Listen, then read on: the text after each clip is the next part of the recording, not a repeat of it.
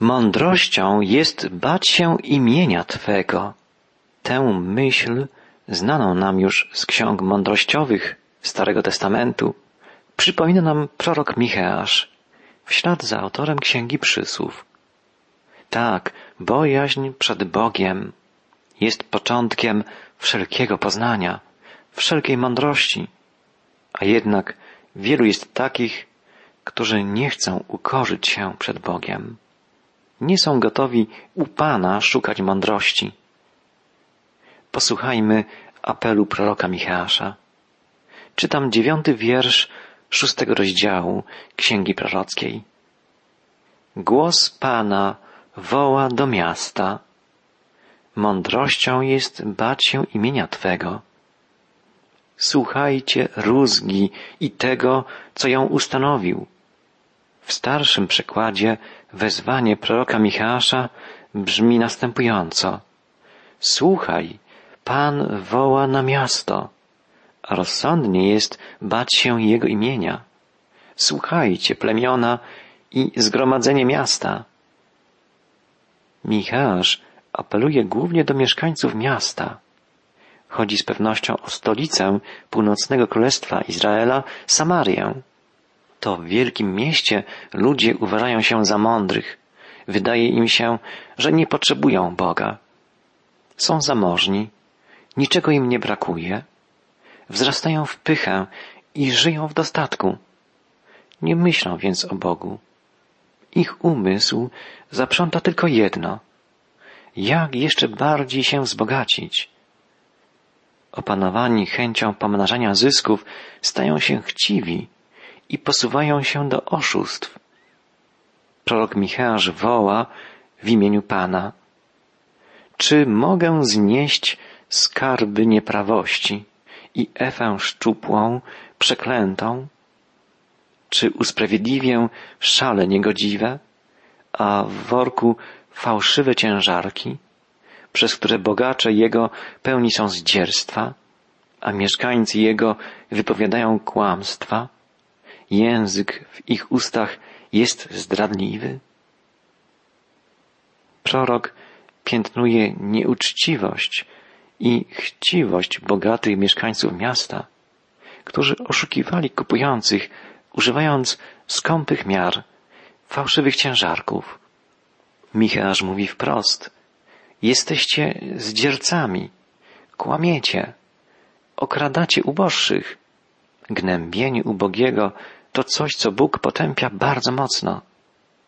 W prawie mojżeszowym podanych było wiele wskazówek, w jaki sposób wspierać ubogich. Na przykład właścicielom pól polecano, żeby w czasie żniw nie zbierać wszystkich kłosów, ale pozostawić coś dla ubogich. Pozwolić im zbierać na polu kłosy, które upadły na ziemię. W ten sposób najubożsi mogli zebrać w ciągu dnia dla siebie pewną ilość zboża na chleb. Prawo mojżeszowe nakazywało szczególną troską otaczać wdowy i sieroty jako osoby najbardziej potrzebujące pomocy.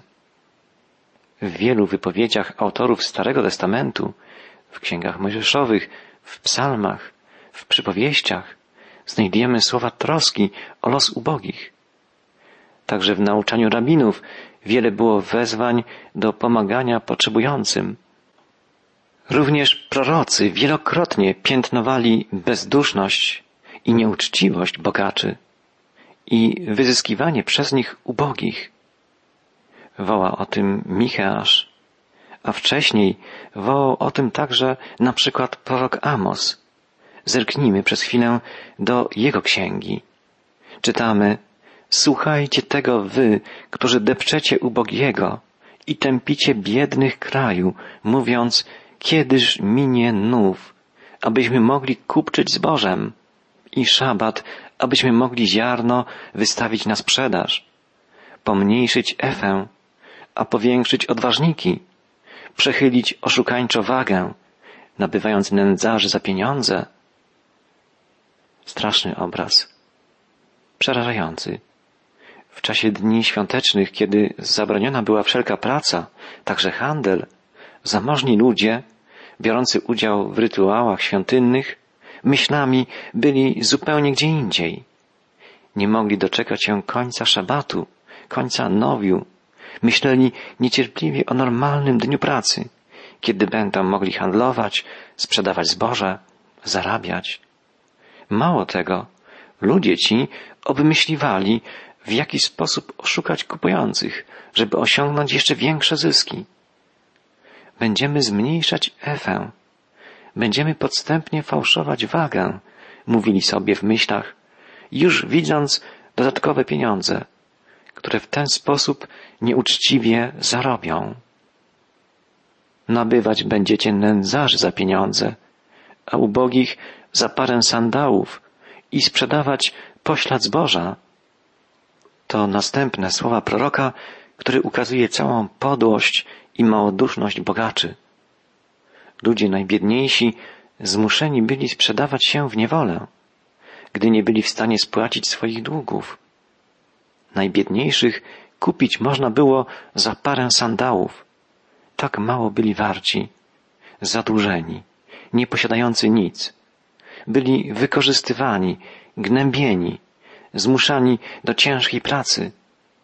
Tak właśnie ich traktowano, nie dając im szansy na poprawę sytuacji, odbierając im wszelką nadzieję, niszcząc ich poczucie wartości, godności osobistej. Czy dzisiaj nie traktuje się ubogich tego świata podobnie? Prorok mówił jeszcze o sprzedawaniu plew. Będziemy plewy pszeniczne sprzedawać, mówili bogacze. To znaczy, że zamiast wyrzucić niepotrzebne plewy, pozostałe po wymłóceniu ziarna pszenicznego będą je sprzedawać, oszukując, szukając pomnożenia swoich zysków.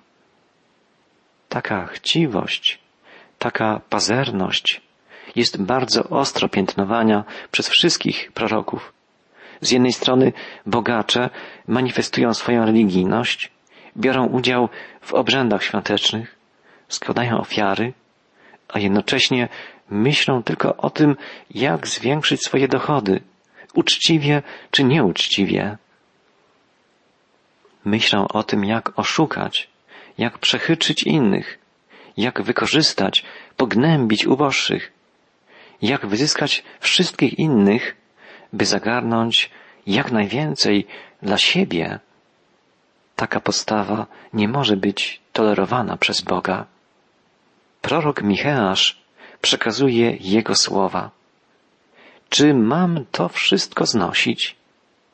Nie, muszę ukrócić odstępstwo, bezbożność, nieuczciwość.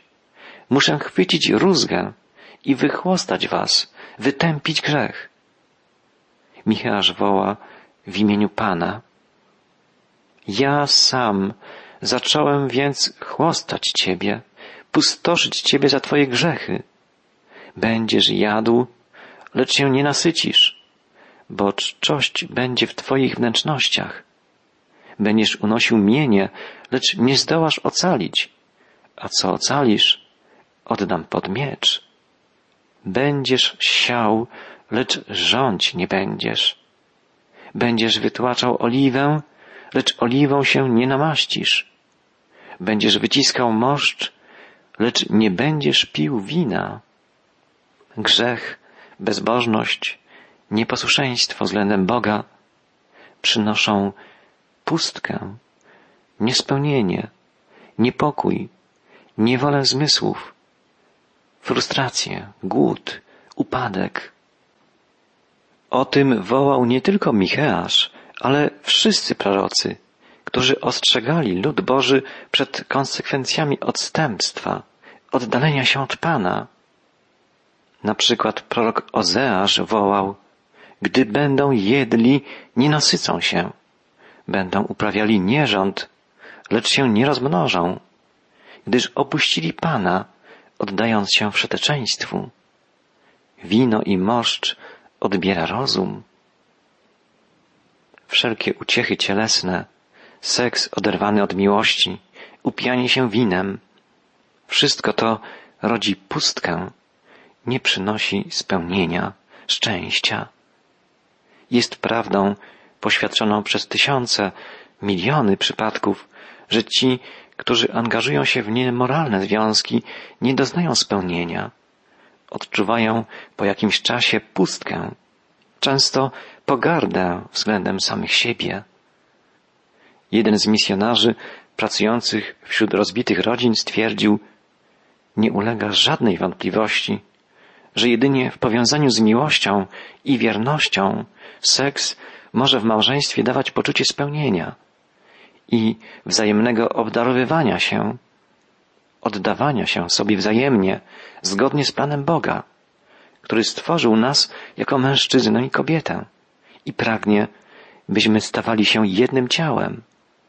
Nigdy żadna niemoralna, niezgodna z Bożym planem dla małżeństwa inna relacja pomiędzy kobietą i mężczyzną nie przyniesie spełnienia, satysfakcji, szczęścia.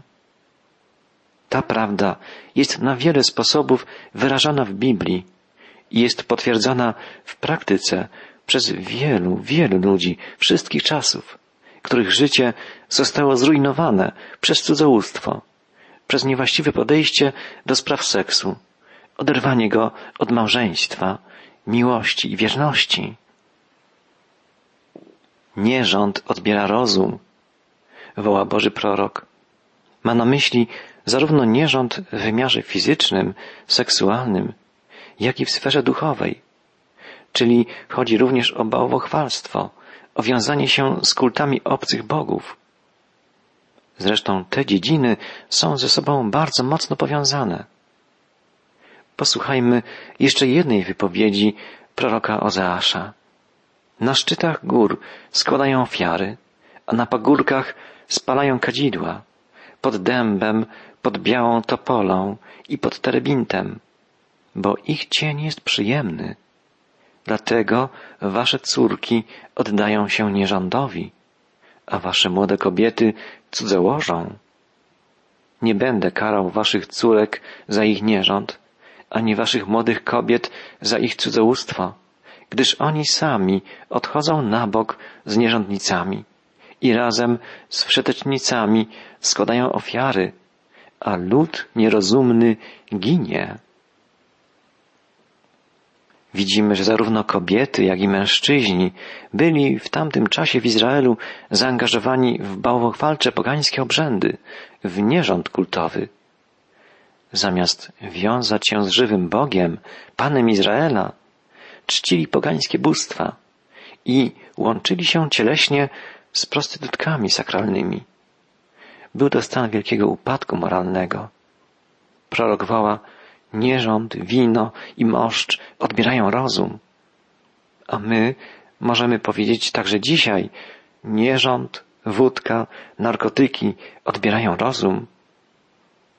Widzimy, jakie spustoszenie w życiu współczesnych społeczeństw powodują rozwiązłość, fałszywa wolność w sprawach seksu oraz pijaństwo i narkomania. Ludzie żyjący niemoralnie nadużywają alkoholu, biorą narkotyki, żyją z dnia na dzień, bez celu, prowadzą smutną, tak naprawdę egzystencję, pozbawioną głębszego sensu, większego znaczenia i celu. Następuje ciągła, systematyczna degradacja człowieka uzależnionego od alkoholu, od narkotyku, prowadzącego niemoralne, rozwiązłe życie. Ta degradacja ma wymiar duchowy, psychiczny i fizyczny. W sferze ducha następuje zupełna dezorientacja, utrata zdolności duchowego rozeznania tego, co prawdziwe, co dobre, trwałe. Utrata łączności z żywym Bogiem, który nie może dotrzeć do człowieka otumanionego, obezwładnionego duchowo. W sferze psychiki następuje utrata zdolności odczuwania uczuć wyższych, takich jak miłość, współczucie, troska. Następuje degradacja intelektualna i emocjonalna człowieka. W sferze fizycznej natomiast człowiek taki stacza się, mówiąc obrazowo, po równi pochyłej. Brnie w coraz większą niemoralność. Staje się niewolnikiem swych namiętności, niskich instynktów. Proces ten opisał apostoł narodów w liście do Rzymian, gdzie czytamy, Gniew Boży z nieba objawia się przeciwko wszelkiej bezbożności i nieprawości ludzi, którzy przez nieprawość tłumią prawdę, ponieważ to, co o Bogu wiedzieć można, jest dla nich jawne, gdyż Bóg im to objawił. Bo niewidzialna Jego istota, to jest wiekuista Jego moc i bóstwo, mogą być od stworzenia świata oglądane w dziełach i poznane umysłem, tak, że nic nie mają na swoją obronę. Dlatego, że poznawszy Boga, nie uwielbili Go jako Boga i nie złożyli Mu dziękczynienia, lecz znikczemnieli w myślach swoich, a ich nierozumne serce pogrążyło się w ciemności. Minili się mądrymi, a stali się głupi i zamienili chwałę nieśmiertelnego Boga na obrazy przedstawiające śmiertelnego człowieka, a nawet ptaki, czworonożne zwierzęta i płazy. Dlatego też wydał ich Bóg na łup porządliwości ich serc ku nieczystości, aby bezcześcili ciała swoje między sobą, ponieważ zamienili Boga prawdziwego na fałszywego i oddawali cześć i służyli stworzeniu zamiast Stwórcy, który jest błogosławiony na wieki. Dlatego wydał ich Bóg na łup sromotnych namiętności. Tak apostoł Paweł pisał o narodach pogańskich. Jakąż tragedią było to, że do tak niskiego poziomu upadł naród wybrany, naród, któremu Bóg objawił swoje prawo, do którego posyłał swych proroków, który prowadził przez wiele lat pośród cudów i znaków, objawiając im swoją moc i chwałę. Wszystko to lud izraelski zaprzepaścił, zapomniał, uległ wpływom niemoralności i bałwochwalstwa. Taki jest los tych, którzy na swoich ołtarzach stawiają fałszywe bóstwa. A wiemy, że dzisiaj takim bożkiem może być, podobnie jak było to wówczas, seks, pieniądz, władza, pragnienie sławy, pragnienie bycia ważnym. To wszystko stoi w sprzeczności z takimi wartościami jak skromność, pokora, wrażliwość na potrzeby innych, gotowość do udzielenia pomocy, do dawania, obdarowywania innych, do służenia. A to może być owocem jedynie prawdziwej wiary, owocem działania w nas Ducha Bożego, który potrafi budować w naszym sercu prawdziwą miłość, radość, pokój, cierpliwość, uprzejmość, dobroć, wierność, łagodność, wstrzemięźliwość. Boży prorok woła, wicher rozniesie ich na swoich skrzydłach, a wtedy doznają hańby z powodu swoich ołtarzy. Drogi przyjacielu, nie stawiajmy na ołtarzach fałszywych bożków. Zwiążmy swoje serce z żywym Bogiem, Stwórcą i Zbawicielem, żeby życie nasze było spełnione, szczęśliwe, by trwało wiecznie u boku tego, który wszystko stworzył, wszystko przenika i wszystkim kieruje. Nie da nam spełnienia żadne bogactwo materialne, nie zaspokoi naszych pragnień żadna z przemijających przyjemności. Prawdziwe ukojenie znajdziemy tylko w Bogu. Szukajmy Go, dopóki trwa czas łaski. Szukajmy Go, dopóki można Go znaleźć. Wzywajmy Go, dopóki jest blisko. Jesteśmy martwi duchowo, jeśli tkwimy w naszych grzechach, jeśli jesteśmy nieposłuszni Bogu. Ale On jest blisko i On, pełen miłosierdzia, wzywa nas w swojej wielkiej łasce, pragnie nas zbawić, odrodzić w Chrystusie Jezusie. Posłuchajmy słów apostoła. Woła on w liście do Efezjan. Łaską zbawieni jesteście przez wiarę. A to pochodzi nie od was, lecz jest darem Boga, Drogi przyjacielu, jeśli uwierzymy, jeśli zaufamy Jezusowi, jeśli On staje się Panem naszego życia, jeśli uświadamiamy sobie swoją grzeszność i przyjmujemy ratunek z rąk Zbawiciela, jesteśmy ocaleni. Apostoł Jan napisał, jeśli przyjmujemy świadectwo ludzi, to tym bardziej świadectwo Boga. Takie jest to świadectwo. Kto wierzy w Syna Bożego, ten świadectwo o nim nosi w sercu. Kto zaś nie wierzy Bogu, robi z niego kłamcę, nie wierząc świadectwu, które Bóg złożył o swoim Synu. Treść tego świadectwa jest następująca. Bóg dał nam życie wieczne, które zapewnia nam Jego Syn. Kto wierzy w Syna Bożego, ten ma życie wieczne. Kto zaś nie wierzy, nie ma życia wiecznego. Takie jest poselstwo Bożego Słowa. Takie jest nauczanie apostolskie. W liście do Filipian apostoł Paweł napisał, jestem pewien, że skoro Bóg rozpoczął wśród was swe wielkie dzieło, On też doprowadzi je do celu, do dnia przyjścia Jezusa Chrystusa. Jeśli wierzymy, jesteśmy ocaleni. Zbawienie jest darem Bożej łaski. Nie bazuje na naszych wysiłkach i osiągnięciach. Jedynym, fundamentalnym, całkowitym gwarantem naszego zbawienia jest łaska Boża, odkupienie dokonane przez Jezusa Chrystusa. Jeśli wierzymy, że jest On naszym Zbawicielem, jesteśmy zbawieni. Mogę powiedzieć, jestem zbawiony, bo zbawienie jest darem kochającego mnie Boga. Jest w pełni doskonałym, dokończonym dziełem Bożego Syna, Jezusa Chrystusa.